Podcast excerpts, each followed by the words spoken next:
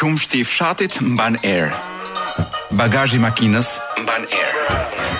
Rojet e kryeministrisë mbajnë erë. Neoliberalizmi mban erë. Festivalet mbajnë erë. Lakra e zier mban erë. Dosjet e komunizmit mbajnë erë. Plazhet e jugut mbajnë erë. Po ky është një mision? që nuk mban erë. Sot nuk është e hënë në Top Albania Radio. Dhe ja ku jemi rikthyer mbas një pushimi të detyruar, atë që nuk e bëri dot as pandemia, e bëri samiti.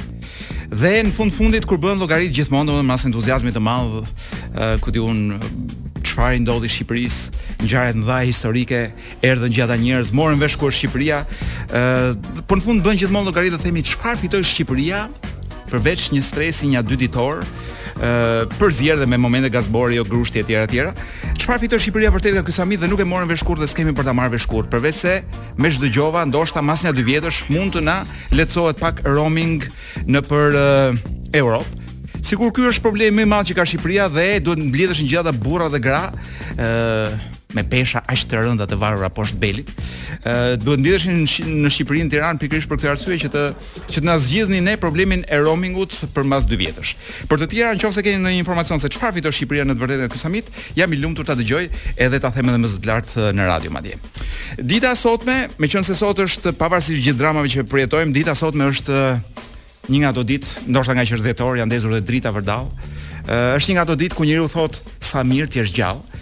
Ë kështu që drita dita e sotme do të jetë e gjitha rock, por jo rock i vjetër, gjëra të dëgjuara, është rock me emra të vjetër ndoshta, por është i gjithë rock i vitit 2022. Pra sot gjatë gjithë kohës, gjatë dy orësh që do të kalojmë bashk, do të do të përpiqemi të përcjellim gjërat më të mira që kanë sjellë pleqtë e muzikës rock gjatë vitit 2022 dhe do ta nisim Me një grup që ndoshta nuk është shija e gjithëve ose mund të jetë shije pakicash, por është një grup i jashtëzakonshëm. Nëse rroku do kishte një emër, ata janë Motorhead. Këta ishin Motorhead dhe është mënyra më e mirë për të larguar të padëshirueshmit nga radio. Ë, rroku nuk mendoj që duhet të ishte gjë tjetër përveç se një zë kështu si prej pianeci, edhe një ritëm i pandalueshëm si, ku di un, si një elektroshok i vazhdueshëm. Ky ishte Lemi, i vdekur në 2015 nga Motorhead, pra lideri motor, i Motorhead, ë uh, por është shumë e çuditshme të dëgjosh zërin e një të vdekuri, sepse kënga që sapo dëgjuam është nxjerrë nga ato regjistrime që kanë bërë dikur, më duket se përpara nja 15 vitesh, 20 vitesh dhe e kanë lançuar si këngë pikërisht në 2022-shin. Ashtu te. Ikëm nga Motorhead, rikthehemi tek hallet tona të javës që kaloi. Nuk ka qenë një javë shumë e bukur, po të shohësh edhe ngjarje që kanë ndodhur. Jo vetëm ato që keni parë ju, por edhe ato që nuk i keni parë ju. Dhe çfarë kemi këtu? Ta fillojmë nga nga Kryqi i Kuq, që ka ulur numri i dhuruesve të gjakut, që më duket një lajm shumë i keq. Dhe në qoftë se ne nuk krijojmë incentiva të tipit ku di un shorte për të fituar një biletë gomone për në Angli, anullim të fashave të kilovatëve të sahatit apo ku di un, unë nuk besoj që do kemi ngritje të dhuruesve të gjakut. Sepse dhuruesit e gjakut në fund fundit çfarë po bëjnë? Po ikin të gjithë në Angli. Çfarë kemi tjetër? Ë në burgun e Drenovës, një i dënuar qënkësh kapur me kanabis. Dhe unë nuk e kuptoj pse kjo gjë përbën lajm. Domethënë, ndoshta lajmi i vërtetë do të ishte ky që në burgun e Drenovës për herë të parë në 10 vitet e fundit bëhet një kontroll dhe gjendet kanabis. Me sa di un kanabisin nëpër burgje e rrisin kështu si një si një, e rrisin si një lule mos më prek. Domethënë kanë kështu thjesht lidhja me botën e jashtme. Nuk i bëjnë gjë, nuk e përdorin. Thjesht duan ta shohin se si rritet. Ë e morët vesh besoj që lajmi më i bukur ishte që një ari nga këta që mbahen në, nëpër burgje restorante, ku njerëzit shkojnë dhe hanë mish si derra dhe kanë qejf të kenë edhe kafshë të lidhura nëpër kafaze atje. Më në fund mas 20 vitesh një gjendje depresioni të thellë dhe plot me plagë është dërguar uh, drejt lirisë. Do e nxjerrë jashtë shtetit në Austri. Nxjerrim arinjtë dhe habitemi dhe shqetësohemi pse po ikin dhe të rinjtë. Çfarë kanë të rinjtë tanë ndryshe nga arinjtë? Akademia e Shkencave shqiptarët qenkan të ngjashëm gjenetikisht me grekët, jo me turqit. Domethënë ky është një nuk e di është lajm i mirë apo lajm i keq. Plus që un jam shumë dyshues. Po edhe nëse ne jemi të ngjashëm gjenetikisht me grekët, grekët vetë duhet të jenë të ngjashëm gjenetikisht me turqit. Domethënë, kështu që praktikisht në rregull treshi i bie që të jemi prapë të shkojmë ke baba Erdogani. Ë, megjithatë mendoj që janë të gjitha këto përfundimet e Akademisë së Shkencave duhet të jenë të gabuara sepse po të ishim paksa të ngjashëm me me grekët, qoftë edhe 1%, nuk do të fusnim fadromën trashëgimive kulturore. Dhe bilanci i 2022-shit, Shqipëria është e, e, policia e shtetit paska thënë që në Shqipëri zbuluam 24 shtëpi bari, ku lajmi më duket i formuluar gabim. Fjalia duhet ishte u rizbuluan ose juve jua zbuluam. Ë, kjo puna e zbulimit të shtëpive të barit në Shqipëri më duket shumë si puna e shahut që luan policia e shtetit, sakrifikon një ushtar për të mbrojtur mbretëreshën. Ë, e mbyllëm me lajmet ë, pothuajse traumatike të javës që kaloi. Kjo është një këngë e shkruar para 28 vitesh nga Pink Floyd, mos gabohem. Ë dhe është e risjellë, ka ruajtur baterinë, meqenëse baterisin nuk e kanë më mos gabohem. Ë po kanë futur, kanë ndryshuar, ku di unë, pak pianon, pak këto zërat e korit e ku di unë se çfarë, pra e kanë thjeshtuar një çikë si këngë, një ditë e madhërishme për liri. Ë dhe t'i rikthehemi ditës famkeqe të samitit, Sepse unë nuk besoj se do mbahet mend për ndonjë gjë të mirë ajo ditë. Ë të paktën jo në memorien tonë kolektive. Por gjëja që mund të spikaste si diçka gazmore ishte një foto e shpërndarë e kryeministrit tonë që i ulej në gjunjë një kryeministri tjetër. Sigurisht është një absurditet për të mos thënë një budallallëk nga pikëpamja e protokollit sepse Supozohet që ka një protokoll sidomos në takimet e nivelit të lartë. Ëh, por ne jemi përpjekur të kuptojmë 10 arsye pse kryeministri i Shqipërisë iu përkul kryeministrit të Luksemburgut edhe në gjunjë biles. Arsyeja e parë, kryeministri Rama e bëri për të hyrë në histori si lideri i parë global që i ulet në gjunjë një lideri lokal. Arsyeja e dytë ishte thjesht për të bërë xheloz Erdoganin. Arsyeja e tretë për të rimarrë vëmendjen e publikut pas grushtit të Berishës. E katërta për të fituar bastin me fotografin e Reutersit. E pesta për t'i treguar popullit shqiptar që ka gjunjë më të fortë, që ka gjunjë të fortë edhe të shëndetshëm, ë madje më të fortë se të kundërshtarëve që nuk dinë të ulen mirë në gjunjë. E gjashta për të ekspozuar efektet e jogës që ai bën gjatë udhëtimeve me charter sepse charteri ç'kam, me ç'kam dëgjuar e lodh shumë. Nuk është kollaj të rrish me qindra orë në vit lart në ajër, ë thjesht sepse duhet të shkosh dhe të pish një kafe diku në një vend që nuk është Shqipëria, për t'u qetësuar, kuptohet. Arsyeja tjetër është që homologu i tij të kuptonte ç'ka humbur nga jeta. Arsyeja e tetë pse kryeministri shqiptar iu gjunjëzua kryeministrit të Luksemburgut është për t'i treguar botës që është një fans i thekur i Game of Thrones. Dhe arsyeja tjetër sepse në sytë e zotit Rama, kryeministri i Luksemburgut është si një kotele e vogël, që e sheh në rrugë dhe ndalon për ta fërkuar. Dhe për ta mbyllur, arsyeja e fundit pse kryeministri i Shqipërisë iu ul në gjunjë kryeministrit të, të Luksemburgut, ndoshta ishte për të promovuar filmin e fundit të Disneyt me kërkesë sigurisht nga vetë George Sorosi, i cili është një nga autorët më të mëdhenj të filmave dhe dokumentarëve politikë në botë. E mbyllim me këtë situatën e samitit edhe gjunjëzimin e kryeministrit tonë. Do të rikthehemi tek muzika, një tjetër peshë e rëndë e rrokut të viteve 80 kryesisht, po diku nga 90-ta. Billy Idol rikthehet me një këngë që fillon si slow dhe ndizet don, është një lloj tritoli që merr flakë me vonesë. Running from the Ghost. E dëgjoni besoj për herë të parë në territorin muzikor shqiptar, në Top Albania Radio. Ky është Billy Idol. Ju po dëgjoni sot nuk është e hënë dhe kemi ardhur në pikën ku do të ngulim gishtin në plagë.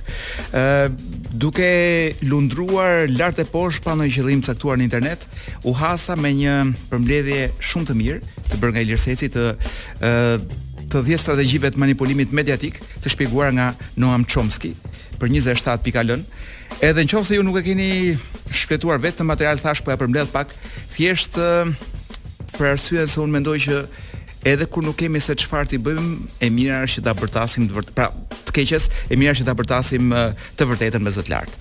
Kështu që unë do përpiqem t'ua përmbledh sepse materiali është pak i gjatë. Ë 10 elemente se si një pushtet mund të manipulojë mediatikisht publikun e vet. Dhe kam përshtypjen që ndërkohë që unë do t'ju përmbledh këto 10 pikat, ju aty këtu do gjeni gjëra të ngjashme me realitetin shqiptar, për shembull strategjia e shpërqendrimit.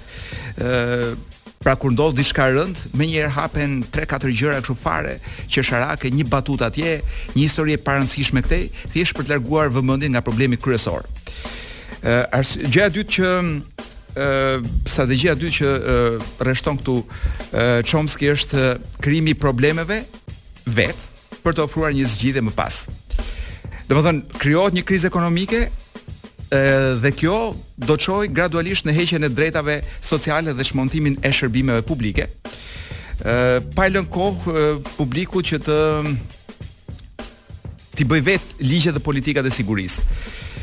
Diçka tjetër strategjia e graduales, pra kur duan të na bëjnë një të na bëjnë një gjëmë, e shtrojnë atë si diçka që është shumë e rëndë, por që nuk do ndodhë tani, do ndodhë sa më vonë dhe të gjithë janë gati që le të ndodhë sa më vonë, por jo sot, jo nesër domethënë. Dhe kjo zbatohet gradualisht pak nga pak për vite me radhë, nëse ktheheni për të parë ku kemi qenë ekonomikisht para 10 vjetësh. Apo ku kemi qenë në lirinë e fjalës para dhjetë vjetësh? Ë, apo edhe në lirinë e medias para dhjetë vjetësh? Po të bësh një krahasim do kuptoni që gradualisht pa kuptuar ne kemi humbur tmerrësisht shumë. Ë, sidomos në aspektin ekonomik, por edhe në të gjitha liritë e tjera. Ë, ka edhe pastaj diçka tjetër që mund ta identifikoni direkt, komunikimi me publikun sikur të ishin fëmijë. Pra lideri i trajton ë njerëzit nga publiku sikur të ishin kalamaj të vegjël, Ne kemi parë fushata të tëra të të ndërtuara mbi këtë parim, ku e gjithë fushata është vetëm shaj, ofendo, hidh batuta, hidh romuze, ë praktikisht duke i trajtuar si kalamaj dhe vjen një moment ku publiku vërtet fillon dhe ndjehet sikur të ishte 12 vjeç ose më i vogël se 12 vjeç. Madje po të shohësh dhe reagimet te këto ambientet ku dikush ë, i gjatë apo i shkurtër ë hedh romuze, do shikoni që dhe publiku qesh si të ishin kalamaj 10, 12 vjeçar. Sepse kjo është strategji që funksionon. Trajtoje si fëmijë dhe ai do fillojë të sillet si fëmijë. Një arsye, një një një uh, strategji tjetër është përdorimi i aspektit emocional. Thjesht për të larguar reflektimin, për shembull e pashë tek organizimi i uh, i protestave të opozitës gjatë samitit, që më duket diçka fare normale, unë nuk kam parë samit të mblidhet diku në vendet në vendet demokratike, ku të mos ketë protesta, sepse a ka rast më të mirë për të protestuar dhe për të treguar hallet e tua, ë një komuniteti më të gjerë politik se sa se sa këtyre lokalëve tanë.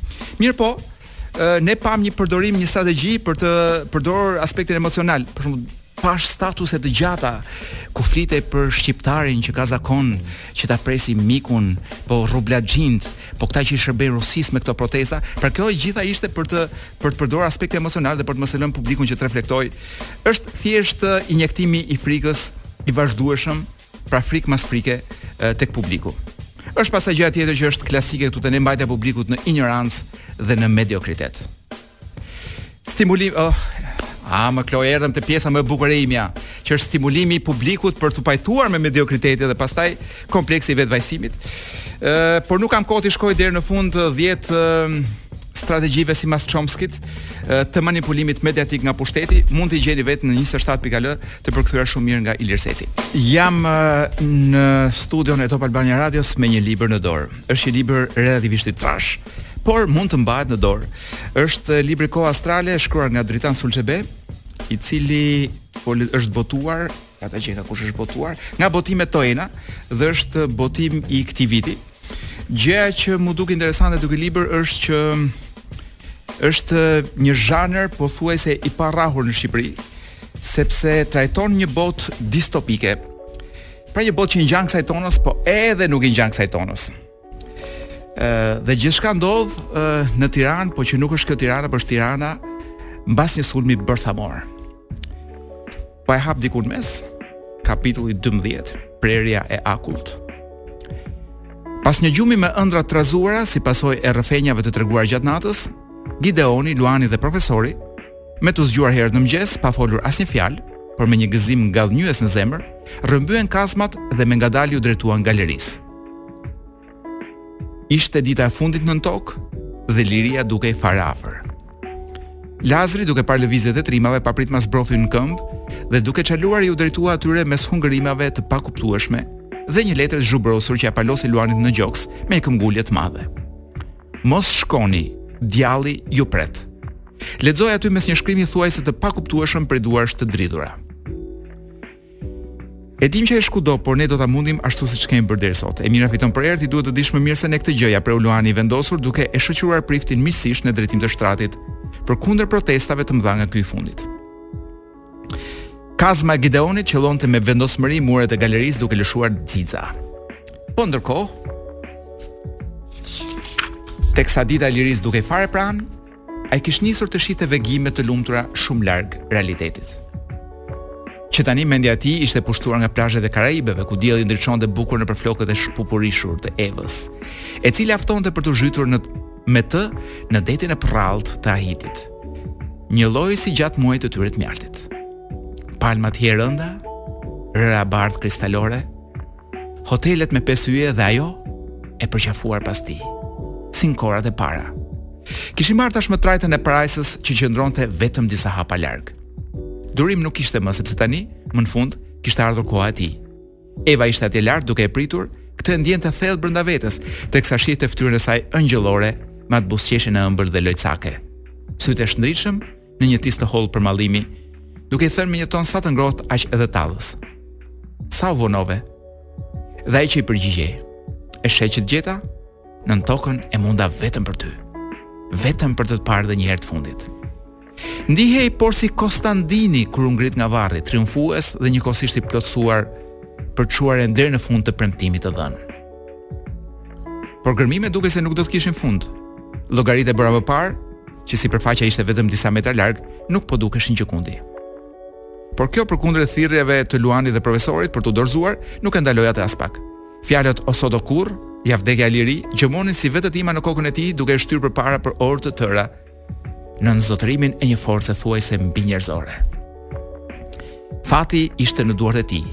Nëse dorëzohej, çdo gjë merrte fund, kthim prapa nuk kishte më. Parajsa ishte një trofe që e kishte fituar, i takonte, pasi lufta e një jete të tërë duhet të kishte patjetër një çmim. Krahët nuk i mbanin më, por nevojitej edhe një sforco e fundit.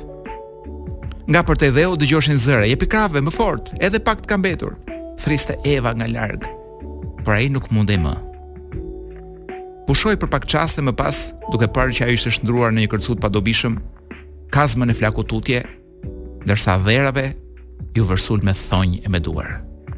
Një përleshje trup më trup, të cilën nuk mund ta vazhdonte gjatë. Toka po tregohej e fortë, krejtësisht mospërfillëse ndaj tërheqjes parajsore. Një tronditje e papritur shkaktoi disa ulërima të mbytura. Galeria nisi të dridhej e shkundej porsi barku i një balene të tejngopur dhe më pas u shemb e tëra. Duke varrosur edhe një herë për së gjalli Gideonin, por dhe profesorin me Luanin. Këta të fundit, edhe pse me të kuptuar rrezikun kishin nisur të vraponin me të shpejtë jashtë galerisë, u përpinë sërish nga një masiv i madh dherash, i cili ndërkaq rrëshqiti me furi brenda strehës, duke shkatërruar një pjesë të mirë të saj. Fluturës, Dritës, por edhe Lazrit të sëmurë, iu deshën orë të tëra rrëmimesh të mundimshme për të nxjerrë, tashmë për herë të dytë, trupat e tre gërmuesve. E tre gërmuesve. Edhe pse fati u tregua edhe një herë bujar, duke u kursyer jetën. Kësaj radhe ndeshja me nëntokën i kishte lënë ata jo vetëm kockëthyer dhe të gjakosur, por mbi të gjitha plotësisht shpresëvrarë për të gjetur lirinë e ëndërruar. Ky ngadhënjim i së keqes, goditi veçanërisht Lazrin e demoralizuar i cili, duke humbur besimin për mundjen e së keqes dhe triumfin e parajsës, e la veten të dergjej nga sëmundja dhe uria. Një mëngjes, ai u gjet i pajetë nga dy kujdestaret e mbetura të strehës. Sepse këta janë gjithë në një strehë ë uh, antibërthamore. Trishtimi për humbjen e tij qe i madh. Dukej sikur me ikjen e priftit, ish venitur dhe mburoja e fundit ndaj së ligës, e cila shfaqej e vendosur për të gllabëruar strehën ngadalë, dhimbshëm.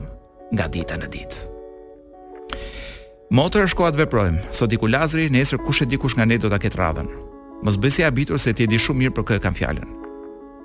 Iu drejtua Drita Drita Fluturës, duke vështruar plot urrejtje për nga Romina, sepse ka një Romina këtu brenda, që vijonte të dergjej e pandërgjegjshme në shtrat tashmë prej disa javësh.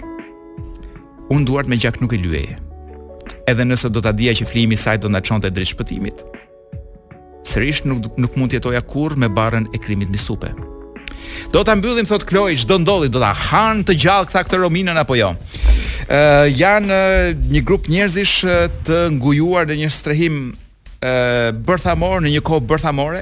Libri titullohet Kohë Astrale nga Dritan Sulçebe e keni nëpër librari po doni 1300 lekë të reja, botuar nga botimet Toena. Ashtu de. Dhe ky emision është ndër të paktat gjëra që nuk mbajnë erë. Mirëmbrëma të gjithëve. Un jam Blerina, përball kam Kolon, si çdo të hënë. Uroj që të mos ju ketë munguar shumë ky program me gjithë pauzën që bëm uh, javën e kaluar, sepse kjo do të thotë që ju jeni të vetmuar, nuk keni miq, nuk keni komshinj, ë? Nuk kemi, nuk mund të thuhet për ne këtu në studio sepse na kanë sjellë një dy arinj për të na gënjyer, domethënë që mos ndihemi vetëm. Në studio seç ka një një dy gjëra të bardha, por shoh që pas kemi edhe një majmun të bardhë të varur diku në mur. Po, tavolina e bardhë dhe etj etj. Atmosferë. Por vetmia po na mbyt. Po. Më ka ndodhur një fenomen Blerina që dua ta ndaj me ty. Ë ndrimi i shtëpive. Po. më ka sjell, si me thën, më ka hequr nga një akuarium dhe më ka futur në një akuarium tjetër të Tiranës. Po bukur duket deri këtu. Është shumë bukur, po kam një problem shumë të madh. Ma thuaj. Asnjë nga komshinjtë e mi nuk më flet me gojë. Nuk ka mundsi. Po. Po që ke Jo vetëm nuk më flet me gojë, po un po bëj tentativa të vazhdueshme që t'i provokoj. dhe Po po them gjëra që besoj për veshët e tyre janë shumë të rënda, u them mirëmëngjes. Ja, larg qoftë. Dhe o ulin kokën dhe un vazhdoj me mendimin që s'më kanë dëgjuar. Po si jeni? dhe kthejn kokën nga muri dhe jemi në një ashensor shumë të ngushtë ku, domethënë, në verë do lëmë shtatzënjë njëri tjetrin, se tash në dimër besoj nuk do ja dalim dot, po është kaq i ngushtë. Po po çfarë kanë Kolo? Pse nuk të flasin? Unë desha të pyes ty, pse nuk më flasin? Domethënë, keni ide pse nuk më flasin komshinjtë mua? Po çfarë problemesh kanë? Po, mendon ti? Po mbase të shohin kështu me mjekër, brun. Ë? Ose mbase të shohin fare, mos u dukesh i rrezikshëm. po tani ta ndajmë pak. Komshinjtë burra, komshinjtë gra, komshinjtë fëmijë, komshinjtë pleq e plaka, cilët janë ata? Të gjithë. O Kolo, ky atëherë që nga mosha, që nga mosha 06 deri në moshën 106 vjeç, nuk më flet askush, më ka folur vetëm njëri, uh -huh. që me sa mora vesh nuk banonte në atë pallat. Ah, okay. Po ç'kanë komshinjtë e tu atëherë. Nuk është shoqëria jonë që po bëhet gjithnjë e më e mbyllur mos besuese dhe mos besuese sepse mua më duket e sikletshme në një ashensor që është ecën shumë ngadalë. Po. Të futen tre veta bashk, edhe se nuk ke as ku i hedh syt. Më sepse nxjerrja, nxjerrja e celularit mund t'i nxjerrësh veshin të njërit, pra nuk ka vend as për të nxjerrë vegla që të hutohesh. Ë uh, dhe je detyruar dikush fishkëllen, dikush shef tavanin, dikush shef dyshemen. Po do vi një ditë që do shifemi dhe sy më sy dhe si do ja bëjmë. Unë në këto raste vendos të bëj atë gjë që do të bëja sikur të kisha qenë vetëm në ashensor. Pra vazhdoj për shembull lyhem ndonjëherë ose këndoj kështu nën zë, Gjë që bëj kur jam vetëm në ashensor. Un kam zakon që kërcej kështu. Kurse mua Kolo komshia ime që është krejt e kundërta. Bëj lëvizje karate edhe, nuk e di a duhet ta bëj në ashensor atë gjënë. Krejt e kundërta e komshive të tu, komshia ime është shumë kurioze të dijë ç'jam unë, ku ha, ku pi, me kë jetoj, A kam prindër a s'kam. A mund të ta marr borxh nja dy javë ta fus në pallat që t'i nxjerrë gabinarë të gjithë dhe unë të dukem si lule pastaj që u them mirëmëngjes. Po kam vendosur të mos dorëzohem. Çfarë do të bësh? O i detyroj këta njerëz të shesin shtëpitë. O të më përshëndesin. Diçka kam vendosur t'i bombardoj me përshëndetje ditë për ditë. Ata uh, flasin me njëri tjetrin? Më rastisi vetëm një rast Aha. ku fliste një grua me një qen. Ah, ah, po mirë ç'ka ke qenë mami, përveç rastit që mund të ketë qenë duke më thënë mua, por nuk besoj se isha unë subjekti i i mëmësisë së saj. Unë të sugjeroj që ta çosh sfidën tënde një në një nivel tjetër dhe të nisësh me, meqense jemi dhe në prag festash, me atë pjatën e baklavas, të shkosh derë më derë, t'u ofrosh një copëz baklava. Ë ç'të të them? Domethënë, pëlqeu si ide, idetë besoj, tua që të kuptova. kor- që të humbin edhe kohë, edhe Edhe para. edhe kalori. Edhe jemi mirë rikthyer në uh, Top Albania Radio. Jemi tani me një mal lajmesh nga bota. Unë them që ta Një largojmë pak pirg, pirg. vëmendjen nga këto hallet tona, Kolo, të uh, shtrenjtësisë, të çmimeve të energjisë elektrike, të reshjeve të shiut, përmbytjeve etj etj, dhe hajde t'ia qajmë pak hallin edhe dynjasë. Po pra, do në pak a shumë këto lajmet nga bota i kemi si ai pirgu i gabit, që është do vetëm duhet zhytur dhe duhet nxjerrë një gjë e bukur që andej. Eksakt. Dhe uh, i pari lajm me të cilin doja ta nisja është një studim që tregon që të shkretët burra pas uh, pasi bëhen baballar për herë të parë, pësojnë një transformim, ashtu sikurse e pësojnë gratë fizik. Burrat nuk e kanë fizik. Në ndonjë pjesë të caktuar të trupit, po, ajo që kujtoj unë, që nuk përdoret më. Ajo aty, aty, jo aty ku më shkon mendja, domethënë, aty, aty ku, ku nuk të shkon mendja. Ve, ju ndodh në vesh ndonjë gjë jo, domethënë, jo, jo, po, po, po, po, po. Ah. Ka lidhje, e gjete. Ndoshta je në prag.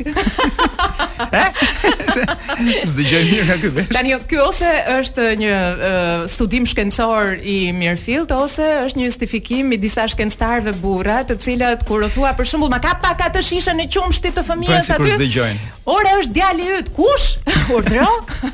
Pra, dhe, dhe ka nevojë të justifikohen grave me studime se nuk i pranon gruaja pa një studim mbështetës. Eksakt. Shkojnë dhe u tho, duhet të shkojnë dhe të thonë e ka thënë shkenca burrave u zvogëlohet truri pasi bëhen baballar për herë të parë. Domethënë ata që zaten që e kishin po, të vogël, më the veshin një herë. Po po, sepse ka lidhje të drejtpërdrejtë me me rënien e dëgjimit po, dhe po. rënien e shikimit. E kuptoj. Ah, ah, ah, pra përveç gjërave të tjera që mund të bien, u bie dhe shikimi dhe dëgjimi. Eksakt. Sepse ndoshta nuk e duan më këtë jetë, unë mendoj që jeta mori fund. Të thashë ose është një justifikim i mirë studiuar ose është një studim i mirë menduar. Do hulumtuar. Merim. Atëherë unë po ndërroj pak temë, po. ka ndodhur një ngjarje që mua, për shembull, kur ti sheh një kalë në rrugë. Po. Ti nuk ke qenë nga ata fëmijë që që, që dashuron vetëm kaq. Nuk të vjen të bësh ndonjë gjë ta kalëroj. e gjeta. Nuk e jo, nuk e paske, nuk e paske në Ta përkëdhel. Jo, ka një, për shembull mua më kap një dëshirë që t'i fus një shpullë atij. jo. Dhe sapo kuptova që ka dhe, do kam një kështu tendencë për të rënë shpullë për të parë sa do Sa inteligjent është kali, sa do mbrohet. Jo, për ta parë sa i shpejtë është, domethënë. Ndoshta. Në atë rast ne do duhet të shihnim sa i shpejtë do ishe ti Kolon. Kuptova që nuk jam i vetmi. Aha. Kuptova që ka edhe shumë të tjerë në këtë botë që ka edhe pse ky ky po shoh dhe në foto këtë burrin që ka bërë. Është diku në Amerikë në në Florida diku. Ëh, në një nga këto county të Floridas, i ka futur një shpullë po kalit të policisë. Mm -hmm. Se policia seç ka një zakon kështu domethënë, mm -hmm. ekzibicioni del dhe me kuaj atje. Mm -hmm. Edhe ky i fut një një shpullë kalit dhe për këtë është në burg. Ëh. Uh -huh. Pra jo grusht. Pra sepse ne kuptuam që grusht dikujt futesh në burg. Por edhe me shpullë në Amerikë, kalit të policisë kur është në shërbim. A të policisë, po t'i bie ti. Kur është në shërbim, gjatë shërbimit, po t'i ah, biesh jashtë shërbimit, konsiderohet thjesht kështu një. Po një një incident avancë seksuale e, e pa e pakërkuar. Po t'i biesh një njeriu apo nuk nuk e shkelën. Dhe, dhe ky zotria që ka justifikuar që unë nuk e dija që nuk u lejoka. Dhe me thënë të drejtën as unë nuk e dija. Por Kolon kujdes në Amerikë, kuajve jo më me shpullë. Okej, okay, njerëzve po. Nuk besoj që do shqetësoheshin aq shumë për njerëzit sa shqetësohen për kuajt e policisë kur janë në shërbim. E qartë. Mirë, unë do të rikthehem në temën e lindjes së fëmijëve sepse një tjetër studim na thotë që mosha e duhur për t'u bërë prindër është nga 39 deri në nga 35 deri në 49 vjeç. Po po, e keni dëgjuar shumë mirë. Dhe a e di pse Kolon. A mund të flas në emër të një shoku tim që u bë që u bë baba 20 jo 21 më duket. Jo 20 ose 21. Me çfarë ushqen ai fëmijë? Se nuk ma thatë më përpara këtë gjë. Pse s'e nxorën këtë studimin që apo që fëmija i tij tani është gati 40 vjeç.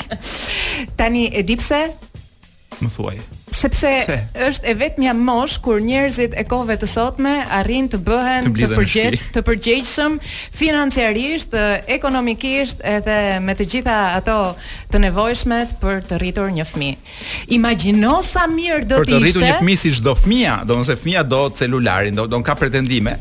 Se po të rritësh një fëmijë. Po edhe me qumësht formule Kolo shtrenjtë i bie, po imagjino sa e sigurt. Ka pretendime një fëmijë i sotëm.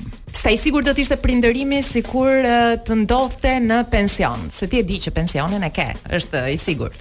Në fakt fëmijët sot po i rrisin pensionistët se kush ka fëmijë ia rras prindërve atje, domethënë, kështu që unë habitem pse do pse nuk presin gjersa t'u vijë pensioni dhe t'i rrisin siç janë për të rritur, për të rritur ata fëmijë, por vetë kam një lajm tjetër të gëzueshëm. Lerina,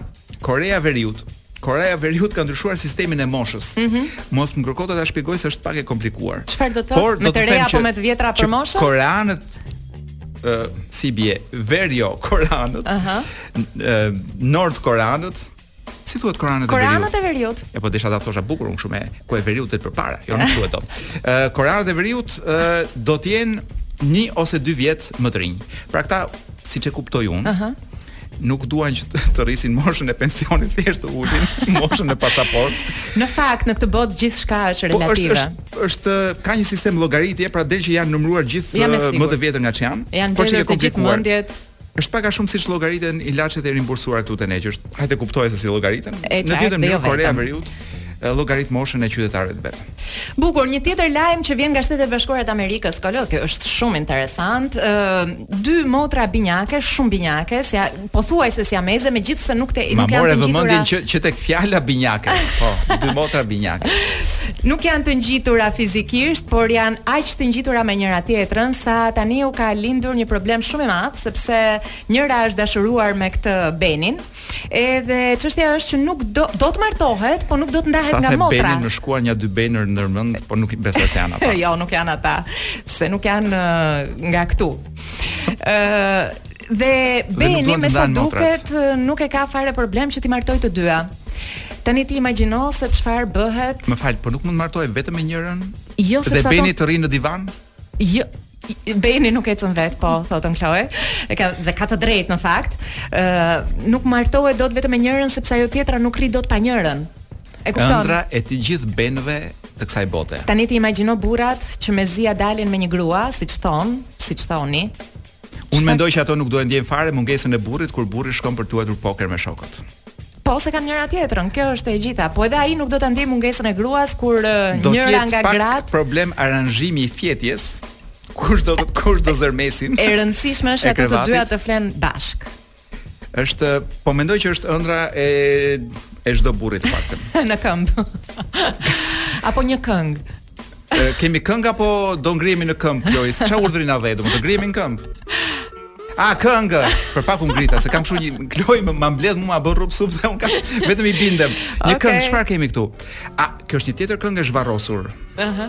Kanë gjetur një këngë të vjetër të Doorsave që më doje ah, humbur? Si ma ke gjetur? E kanë nxjerrë edhe e kanë hedhur atje për ah, konsum. Edhe kështu është. Rrënqethje, rrënqethje. Aris Blues. E kemi rifreskuar këtë listën e gjërave që mbajnë erë? Unë mendoj që gjatë vitit të ri do dalin plot ide të reja. Duhet ta zgjasim pak. Po mbas vitit të ri do vim me një listë të re. Ndryshojmë pak, po. Se gjithnjë e më shumë po qelbet gjëja. po mban erë dhe, jo vetëm rrotull nesh, po edhe ku di unë, edhe brenda celularit tonë, domethënë pjesa e madhe e aplikacioneve janë problematike. Mbajnë erë. TikToku për shembull, e ke dëgjuar atë gjën, atë gjën që u bë virale Nailia i thon. Nailia si e ka emrin Kloja ajo? Jo? Zonja e vjetër, jo Naile, seç ka një emër tjetër. Zonja, Zonja Naile, Naile paska rënë në kokë.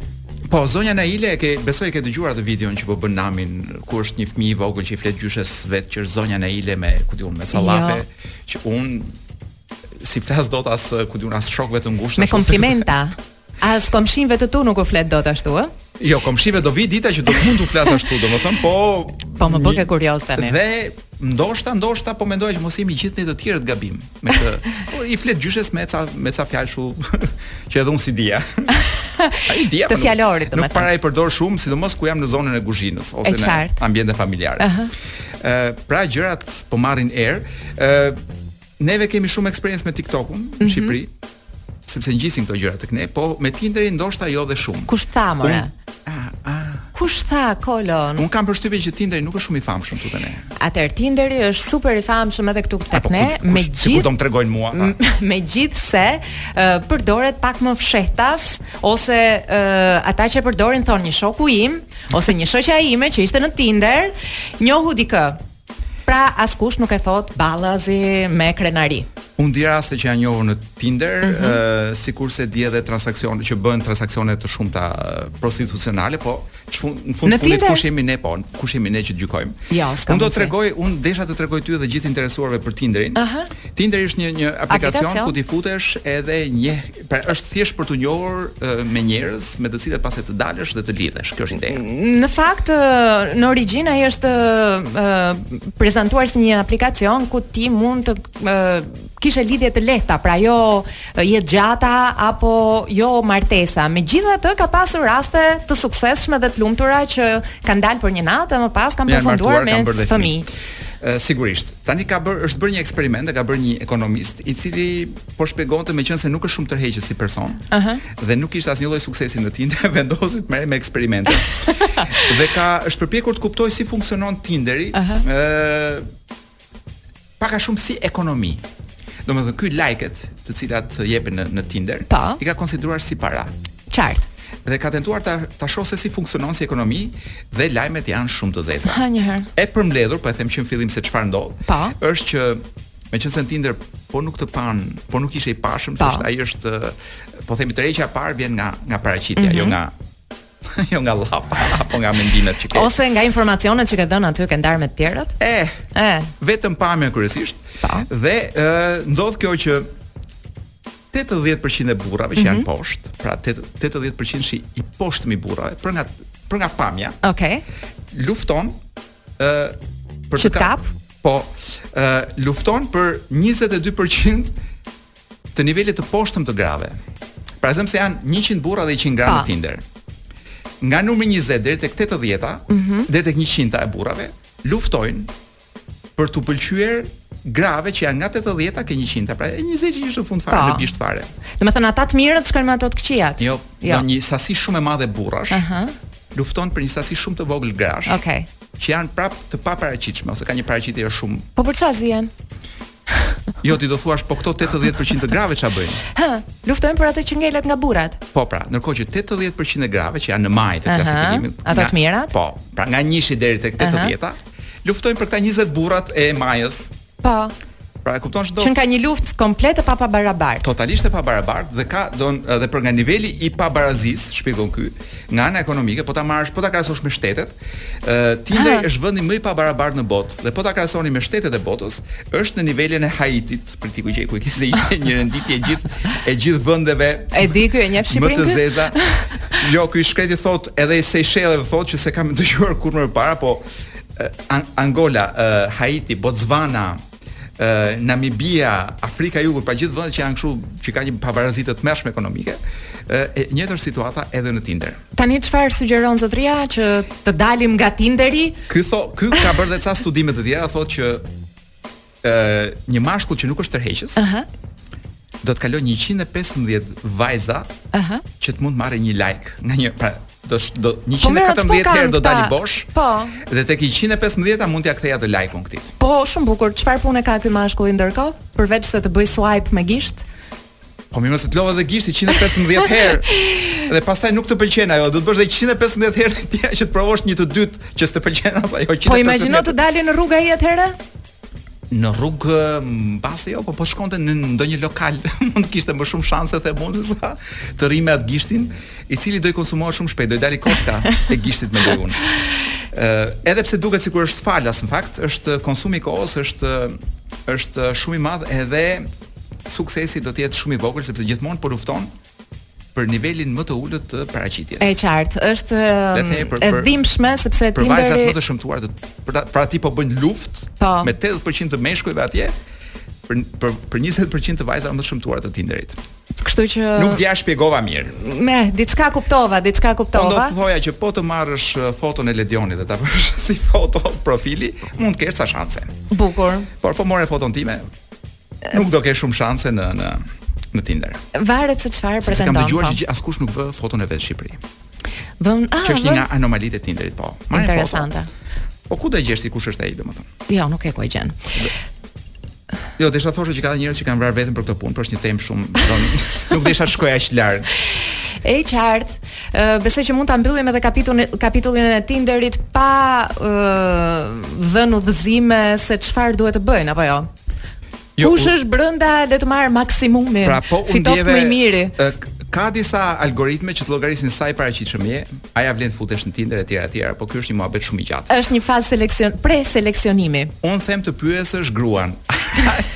si jam nga paraqitja, po tha që s'je keq, mund ta testosh ah, Tinderin gjithmonë duke që duke u fshehur nga gruaja. Di për arenën shqiptare që ka shumë burra të martuar në Tinder. Un kam dëgjuar që ka shumë çifte të martuar në Tinder. Që dalin me njëri tjetrin, besoj. Ose me çifte të tjerë, nuk e di. Kam dëgjuar që është një, po themi një eksperiencë më vete, Okay. Dhe më vjen shumë keq që na zuri të martuar kjo, domethënë kjo epoka Tinder dhe nuk po nuk po dim ç'ndodh në botë. Unë them ta shpëlajmë me një këngë, Kolo. Po Kloi, çfarë gjë të bukur na ke gjetur? Po, ë uh, sot kemi natën e, e pleqve të rrokut, mm -hmm. por që kanë bërë nga një këngë ose mm -hmm. një mhm. album në 2022-shin. Mm -hmm. Edhe Iggy Pop, që shumë veta mund ta dinë të ah. vdekur. Nuk është është gjallë, dhe ka bërë dhe këngë. Bukur. Dena Edhe... me sa duket Nuk do na ndahet ajo historia e binjakeve. Edhe e fëmijëve, edhe nuk do na ndahet kurrë ideja që viriliteti në Shqipëri është i lidhur uh, drejt për drejt me uh, të lindurit uh, fëmijë djem. Pra, burrat në Shqipëri, familjet përgjithësisht vazhdojnë të duan të kërkojnë uh, që fëmija e tyre që është duke ardhur në jetë të jetë një djalë. Dhe faktet janë të të, shpra, të përhapura nga UNFPA, që është Agjencia e Kombeve të Bashkuara për Popullsinë, për Popullsinë, që ne qenkemi të 11 në botë për aborte selektive. Që aborti selektiv për ata që na dëgjojnë është e, nuk është gjë e mirë një herë. Sigurisht dhe mbi të gjitha është nuk është të zgjedhësh. Po, po, po. jo. Të zgjedhësh të ndërpresësh një shtatzani në çastin që mëson që je duke sjellë në jetë një vajzë. E ka fajin teknologjia kolo. Dhe i njëmbëdhjeti në botë, po kur mendoj çfarë vendesh të tmerrshme ka bota, ë për shembull Kina është një nga vendet ku ë Si me, po. thënë, Kina është një nga vendet ku ndodh shpesh kjo gjë, mm -hmm. Blerina. Po, Kina është e zhvilluar. Kina, Kina është e zhvilluar, po kinezët, sidomos kur kishin atë, atë politikën e një fëmije të vetëm, mm -hmm. bënin krime sepse thonin më mirë të kemi një djalë që të na mbajë kur të plakemi, e qartë. se një vajzë nuk do na mbajë dot, pra bënin nga këto, jo, për zgjedhjet. Ne e kemi vetëm për karshillik. E kemi që kur lind djalë do të thotë që burri fort. Si, unë, Ai që ka bërë. Unë besoj që nga budallallëku e kemi sepse nuk është se ne kemi nevojë për meshkuj jo, jo, nga mënçuria e madhe. sepse unë do kuptoja për shembull një fshatar që do të punojë tokën dhe qan hallin e tokës, për shembull thotë kush do ta punojë tokën. Më fal, po një fshatar po ne, po ne që po do një emigrant. Po ne po shkojmë për të punuar tokat e Greqisë. Po, Tani po punojmë tokat e, e shtëpive të Londrës. Tani halli yt ishte i vërtetë dhe unë ta kuptoj shumë mirë. Po më duket një problem shumë i madh dhe këtu po lexoj që sipas gjithmonë sipas UNFPA-s. Mm -hmm. Në 10 vitet e fundit uh, mungojnë pra nga parashikimi i lindjeve mungojnë mm -hmm. 21000 vajza. Pra duhet të kishin lindur 21000 vajza. Po, pra moshat 0 deri në deri në 20 vjeç duhet të kishim 21000 vajza që janë mangut pra për këtë për këtë fashë moshore. Mm -hmm.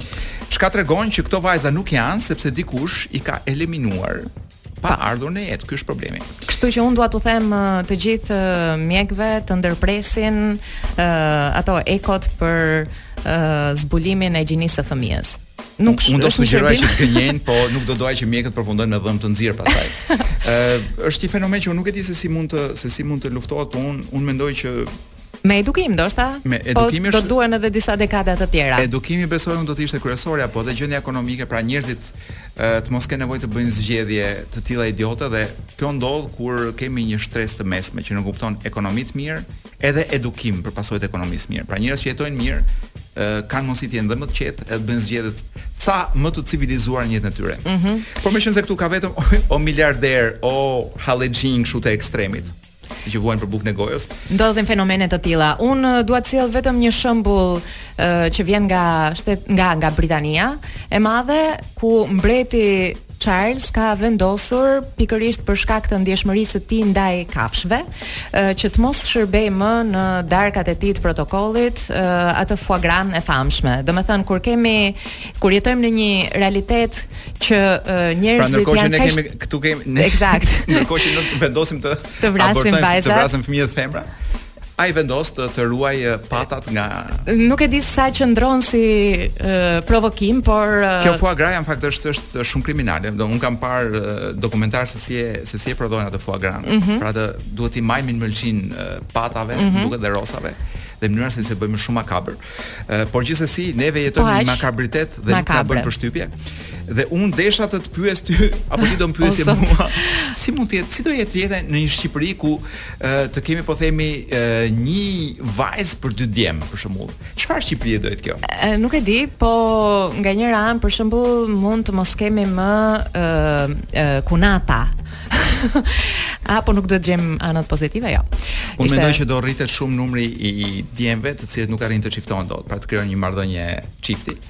Çif se çift fjala çiftim nënkupton edhe krijimin e një çifti, mm -hmm. jo vetëm ë do e mbyllim për fare Kloj, se Kloj po më çon një mesazh dramatik. Si do e mbyllim fare emisionin? E ky lajm i fundit e tronditi, kështu që ka të drejtë, ka të drejtë. Po i afrohemi një Shqipërie pa femra do bëhet luftë të do të thotë për një për një vajzë në rrugë do të thotë të plasi grushti keq fare sepse or do na marri malli të shohim femra me sy. Un habitem se ndërkohë qeveria është plot me ministre gra, ikim. Ë Kloj do ta mbyllim ë nga këto këngët e rrokut të grupeve të vjetra të 2022-shit. Metallica shkrepe shkrepe kanë nxjerr një gjë që është elektroshock. Do të shihemi, do të dëgjohemi javën tjetër.